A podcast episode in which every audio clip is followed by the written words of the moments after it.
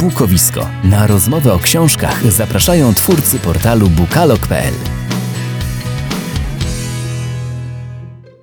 Witamy Was w podcaście Bukowisko w pierwszym odcinku sierpnia.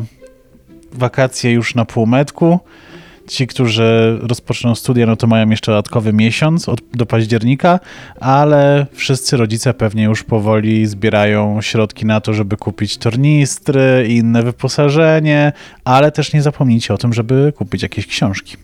Ale zanim do lektur na nowy rok szkolny przejdziemy, to jeszcze przed nami trochę wakacyjnego czasu, więc przychodzimy dzisiaj do Was z wiadomościami, recenzjami i oczywiście zapowiedziami sierpnia. Przy mikrofonach Jerzy Bandel i Maciej Januchowski. Zaczynajmy. A zaczniemy tradycyjnie od wiadomości z rynku książki. Od 13 do 15 sierpnia na bulwarze nadmorskim w Gdyni odbywać się będzie letni plener literacki. W programie 40 spotkań ze znanymi i lubianymi autorami, ciekawa oferta książek przygotowana przez ponad 60 wystawców oraz wiele atrakcji dla całych rodzin. Plener literacki w Gdyni to spotkanie czytelnika z książką, jej autorem i wydawcą, wydarzenie o charakterze otwartym, łączącym kiermasz książek z atrakcyjnym programem. Wśród znakomitych autorów, gości pleneru, których w tym roku można będzie spotkać na najbardziej popularnym deptaku w Gdyni bulwarze nadmorskim imienia Feliksa Nowowiejskiego, a w sobotę i w niedzielę także w muszli koncertowej są m.in. profesor Jerzy Bralczyk, Eustachy Rylski, Roma Ligocka, Grzegorz Piątek, Natalia Fiedorczuk, Nina Majewska-Braun, Katarzyna Tubylewicz, Robert Małecki, Małgorzata Oliwia Sobczak, Gabriela Jatkowska i Karolina Głogowska, Marcin Szczygielski, Monika Milewska, a to tylko niewielka część tych, których zaproszono. Pełny program wydarzenia można znaleźć na stronie historiaikultura.pl. Letra to nowy imprint wydawnictwa Arkady, pod którym ukazywać się będą nowości z dziedziny literatury. Fabuła powieści w większości będzie dotyczyć zaginionych, fałszowanych, czasem na zawsze utraconych dzieł malarskich, rzeźbiarskich czy architektonicznych, bezcennych skarbów kultury materialnej. Historia sztuki będzie pełnoprawną bohaterką książek dotyczących nieraz opowieści o znanych obrazach albo odsłaniających nieodkryte dotychczas strony biografii wybitnych twórców. Nietuzinkowe postaci ze świata sztuki, żądza posiadania wyzwalana przez fortuny zaklęte w dziełach, czy też historyczne zbrodnie, które sztuka pozwala wyjaśnić. To wszystko znajdą czytelnicy w przygotowywanych przez nas thrillerach, kryminałach, powieściach obyczajowych i historycznych, poinformowało wydawnictwo Arkady. Jak zaznacza, w imprincie Letra pojawią się także inne tematy i gatunki literackie dające chwilę wytchnienia czytelnikom. 15 września ukażą się pierwsze pozycje spod znaku imprintu, a będą to Dziewczynka z poziomkami Lizy Strome i Zaginiony klejnot Ferrari Grega Krupy. Do 16 sierpnia trwa nabór wniosków na zakup nowości wydawniczych dla bibliotek w ramach Narodowego Programu Rozwoju Czytelnictwa 2.0. W tym roku w budżecie zarezerwowano na ten cel 26 milionów złotych. Kryteria i zasady rozdziału środków oraz podział dotacji dla poszczególnych województw przygotowane przez dyrektora Biblioteki Narodowej we współpracy z zespołem sterującym do spraw zakupu nowości wydawniczych do bibliotek zostały zatwierdzone 2 sierpnia przez ministra kultury, dziedzictwa narodowego i sportu Piotra Glińskiego, a priorytetem w tegorocznym naborze jest zakup treści cyfrowych, to jest e-booków i audiobooków. Kwota wkładu własnego zadeklarowanego we wniosku nie może być mniejsza niż 50%, 65% lub 80% wszystkich środków finansowych przeznaczonych na realizację zadania przez bibliotekę wnioskującą o dofinansowanie w zależności od zaszeregowania gminy, powiatu, województwa do odpowiedniej kategorii zamożności jednostki samorządu terytorialnego. Właśnie ruszyła rejestracja dla niezależnych księgarni, które chcą przyłączyć się do ogólnopolskiego festiwalu Noc Księgarń organizowanego przez dystrybutora książek OSDW Azymut. Noc księgarń, podobnie jak Noc muzeów, na stałe wpisała się w kalendarz najważniejszych wydarzeń kulturalnych roku. Szeroki program obejmujący m.in. spotkania autorskie, debaty, warsztaty, kiermasze czy koncerty przyciąga uwagę mediów, blogerów i czytelników. Festiwal organizowany przez Azymut od dwóch lat promuje niezależne księgarnie stacjonarne, lokalne inicjatywy literackie i kulturalne. Do tej pory wśród gości Nocy Księgań znalazło się wielu znanych autorów i autorek, twórczyń i twórców, naukowców i naukowczyń. Ze względu na sytuację epidemiologiczną Noc Księgań 2021 odbędzie się w formie hybrydowej, w internecie oraz stacjonarnie. Podczas tegorocznej edycji festiwalu szczególny nacisk zostanie położony nie tylko na promocję wydarzeń, lecz także lokalnych kiermaszy. Wydarzeniu będzie towarzyszyć nowa odsłona akcji Książka na telefon, której celem jest wsparcie księgarni w czasie pandemii. Rejestracja księgarni do udziału w akcji potrwa do 16 sierpnia. Od 23 października w kinach można obejrzeć film na podstawie książki Wojna z dziadkiem, opublikowanej przez wydawnictwo Dwukropek.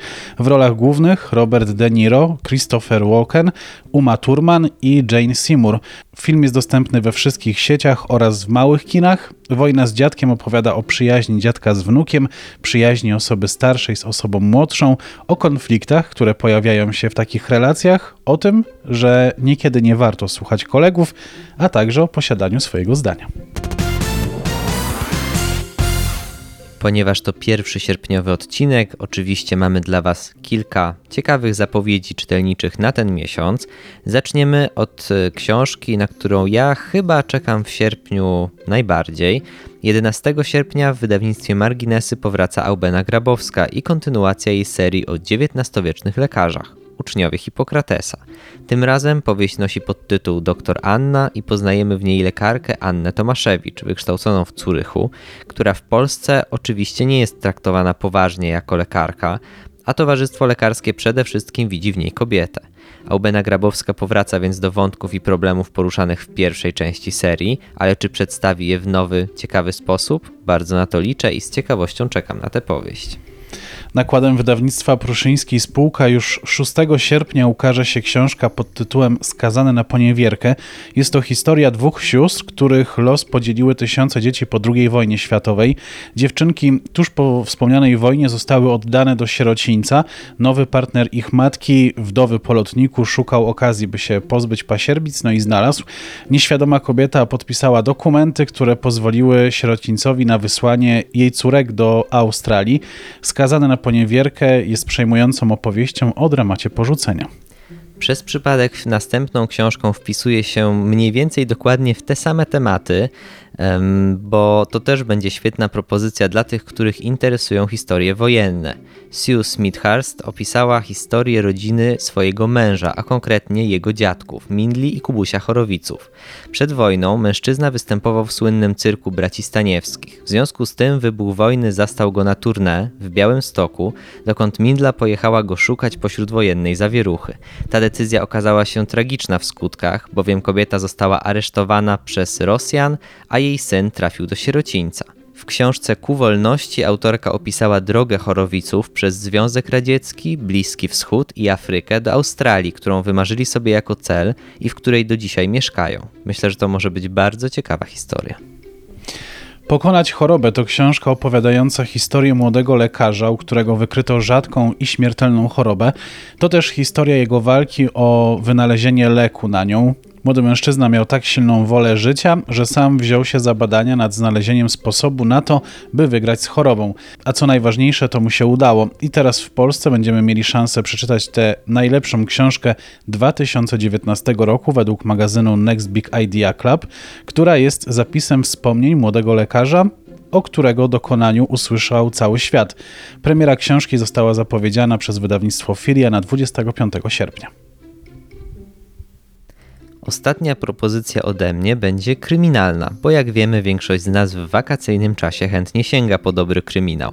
Z pewnością taka właśnie będzie powieść Bartosza Szczygielskiego Nie chcesz wiedzieć. Opis jest enigmatyczny, ale też intrygujący. Wróżka Agata w kartach zobaczyła śmierć i rozpaczliwie stara się odkryć, co w przeszłości przesądziło o jej losie, dlaczego musi zginąć. Jej dar stał się przekleństwem i teraz musi uciekać przed śmiercią, policją, dziennikarzami i mordercą. Jeśli to was nie zachęciło, to nie wiem, jak inaczej mógłbym to zrobić. Poprzednia powieść Szczygielskiego Winni jesteśmy wszyscy była bardzo, bardzo dobra, więc i teraz nie spodziewam się niczego innego. Nigdy Cię nie zapomnę, Gabrieli Gargaś to finał rodzinnej sagi Dobrzyńskich. E, Już 11 sierpnia czytelniczki i czytelnicy będą mogli się przekonać, jak zakończy się ta seria autorstwa Czarodziejki Kobiecych Uczuć, a w związku Teresy i Maksymiliana wydarzy się coś, co spowoduje, że jedno z nich będzie chciało zakończyć małżeństwo. Będzie to mały chłopiec, który jest owocem romansu z przeszłości. Tymczasem kolejne pokolenia Dobrzyńskich urządzają sobie życie w nowej rzeczywistości. Miłosz i Alex zakładają firmę, która szybko się rozwija i ściąga na nich uwagę rekinów biznesu. Nigdy cię nie zapomnę to opowieść o zaufaniu, którego łatwo nadużyć, trudnej drodze do przebaczenia, ale też nadziei, którą warto zawsze pokładać w rodzinie. To oczywiście zaledwie kilka z sierpniowych zapowiedzi. Po więcej za kilka dni zaprosimy Was na portal bookalog.pl, gdzie w dziale zapowiedzi e, będziecie mogli zapoznać się z ofertą większej liczby wydawców. Czas zatem nieco dłużej opowiedzieć o jakiejś książce. Siostry Raj, spokojna, nieco wycofana Tycjana i zwariowana Angelina powracają, by odkryć kolejną tajemnicę, tym razem zapisaną w XIX-wiecznym pamiętniku. Skąd wziął się w Poznaniu i kogo stać na taki antykwaryczny rarytas? Przed Wami Joanna Jodełka w nowej kryminalnej odsłonie. Angelina na dobre zadomowiła się w domu swojej przyrodniej siostry Tycjany i ich ciotki Józefiny. Niestety ponownie pakuje się w nie lada tarapaty, wchodząc w układ z oszałamiająco bogatą i jednocześnie podejrzliwą Niną Solis, założycielką znanej firmy kosmetycznej. Starsza pani postanawia wydziedziczyć swoje dzieci i pozbawić je ogromnej fortuny, a Angelina ma uwiarygodnić zorganizowane przez nią przedstawienie, odgrywając rolę prawniczki. Niestety, kiedy o umówionej godzinie staje w domu Solisów, zastaje gospodynię umierającą w kałuży krwi. Momentalnie trafia do aresztu, oskarżona o popełnienie morderstwa, a Tycjana staje na głowie, żeby wyciągnąć ją z tarapatów. Towarzyszy jej były policjant, nieco zwariowana ciotka, dzieci Niny Solis oraz jej przybrany syn Konrad, mężczyzna z niskorosłością. Pamiętnik Karła to po córce nieboszczyka kolejna bardzo dobra propozycja od Joanny Jodełki, poznańskiej autorki kryminałów. Co więcej, ta część podobała mi się nawet bardziej niż tom pierwszy. Jodełka ponownie zbudowała intrygę w oparciu o fakty historyczne i biografię człowieka, który żył naprawdę na przełomie XVIII i XIX wieku. Józef Borów-Łaski był swoistym celebrytą tamtych czasów. Karłem, który pod opieką Anny Humieckiej zjeździł dwory całej Europy. Gościł na dworze Marii Teresy we Wiedniu, poznał Stanisława Leszczyńskiego, odwiedził Wersal i Paryż. Swoją opowieść spisał w pamiętnikach, które pojawiają się na kartach nowej powieści Jodełki. Jestem przekonany, że Borów Łaski nie jest powszechnie znaną postacią, choć jego życiorys jest niezwykle ciekawy. Być może pamiętnik Karła zachęci kogoś z Was do zapoznania się z nim. Jeśli chodzi o samą fabułę, jest niezwykle wciągająca, a kolejne strony i rozdziały powieści czyta się jednym tchem. Nie zabrakło bohaterów i bohaterek znanych z pierwszego tomu, ale pojawiają się też rzecz jasna nowe postaci na czele z Konradem Solisem. Zafascynowany jest Józefem Borówłaskim, choć ma oczywiście również własne mroczne sekrety. Angelina i Tycjana nie spoczną, póki ich nie odkryją. Wątek historyczny i ten związany z Konradem jest moim zdaniem najciekawszym wątkiem powieści. Zabójstwo, a może po prostu śmierć Niny Solis zawiązuje kryminalną intrygę jakich wiele, w której spadkobiercy jeszcze za życia matki dzielą się jej własnością, a świeżo poślubiony i o wiele młodszy od niej małżonek staje się istotnym podejrzanym w całej sprawie. Niemniej Joannie Odełce udało się sprytnie powiązać wszystkie wątki, w wyniku czego cała opowieść jest niebanalna, a my nie tylko dobrze się bawimy, ale też możemy czegoś się z niej nauczyć. W końcu mocną stroną powieści są też charakterystyczni, stanowczo zarysowani bohaterowie, z których każdy ma swoje wyjątkowe cechy charakteru i wyglądu. To właśnie ich zapamiętałem z tomu pierwszego lepiej niż samą kryminalną zagadkę i z przyjemnością spotkałem się z siostrami Raj ponownie. Angeliny i Tycjany nie da się nie lubić, choć każda z nich ma swoje za uszami. Ciotka Józefina bywa denerwująca, ale to przecież bardzo dobra kobieta. A co do pozostałych bohaterów, no cóż, będziecie musieli sami rozstrzygnąć, komu kibicujecie, komu wierzycie, a kto waszym zdaniem maczał palce w śmierci pani Solis. Gwarantuję tylko tyle, że sprawa nie jest wcale jednoznaczna, jak mogłoby się z początku wydawać. Mówisz o tym, że mm, z przyjemnością spotkałeś się z, ponownie z siostrami Raj. Myślisz, że autorka będzie kontynuowała dalej jeszcze y, ich przygody? Myślę, że tak, dlatego że książki opisane są jako seria i jak na razie nic nie wskazuje na to, żeby e, miała się zakończyć. Angelina, jako przyrodnia siostra, która pojawiła się z nienacka po śmierci ojca, e, ma wiele sekretów z przeszłości. Część z nich poznajemy w drugim tomie, ale mam wrażenie, że jeszcze nie wszystkie, więc ciąg dalszy jest e, jak najbardziej prawdopodobny. A jak ci się podoba język jodełki? Podoba mi się, jest bardzo y, żywy i taki.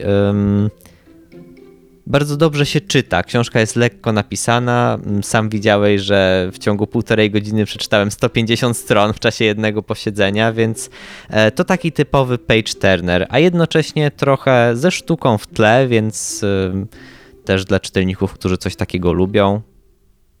Fajnie napisana, lekka, taka wakacyjna lektura. Czyli potencjał w jodełce jest. Tak, jak najbardziej. Myślę, że nie bez powodu jest jedną z bardziej uznanych z poznańskich autorek kryminałów.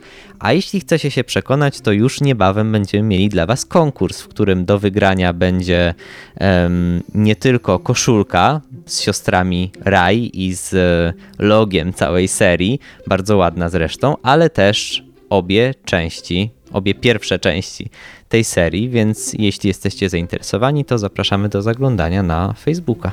Czy Joanna Jodełka była jedną z tych, z którymi rozmawialiśmy podczas e, festiwalu Granda? Nie, ale regularnie się tam pojawia, więc wszystko jest do nadrobienia i być może w tym roku nam się to uda. Ten odcinek podcastu Bukowisko był bogaty w zapowiedzi, bogaty w wiadomości i uzupełnieniem tego wszystkiego była Twoja recenzja, zatem każdy znajdzie coś dla siebie. Ale oczywiście jesteśmy bardzo ciekawi, co Wy będziecie czytać w sierpniu i na co Wy czekacie, więc jak co miesiąc zapraszamy. Dajcie nam znać w komentarzach, która z premier, być może spośród tych, które zapowiedzieliśmy, a być może spośród innych, przyciąga Waszą uwagę najbardziej. Niemniej zapraszamy już za tydzień, we wtorek, po godzinie 18 na... Który to będzie? 53 odcinek Bukowiska. 53 odcinek Bukowiska. Maciej Januchowski. I Jerzy Bandel. Cześć. Podcast Bukowisko znajdziesz na YouTubie, Spotify, Google Podcast i Apple Podcast.